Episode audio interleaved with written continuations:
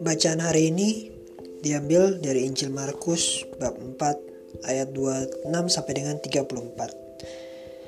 Salah satu kisahnya yang menyentil memori saya adalah tentang tumbuhnya biji sesawi. Biji yang terkecil di antara segala jenis benih yang ada di dunia ini. Namun, ketika tumbuh mampu menjadi lebih besar dari segala tumbuhan yang lain. Lewat perumpamaan tersebut, Tuhan Yesus seolah-olah menegur kita soal privilege. Lahir dari keluarga yang kaya raya tidak menjamin dirimu untuk tetap sukses.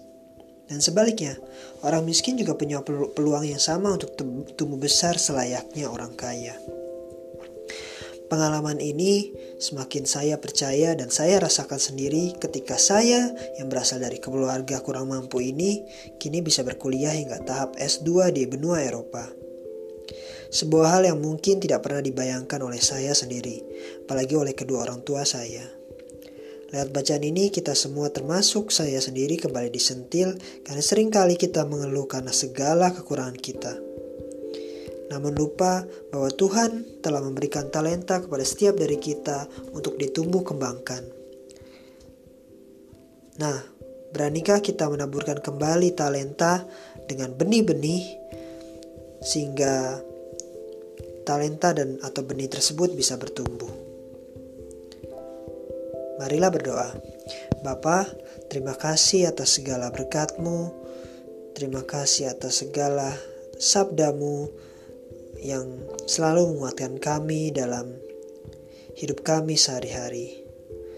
Lewat bacaan hari ini kami belajar tentang biji sesawi, biji yang paling kecil namun bisa tumbuh besar menjadi yang terbesar di antara tumbuhan lain.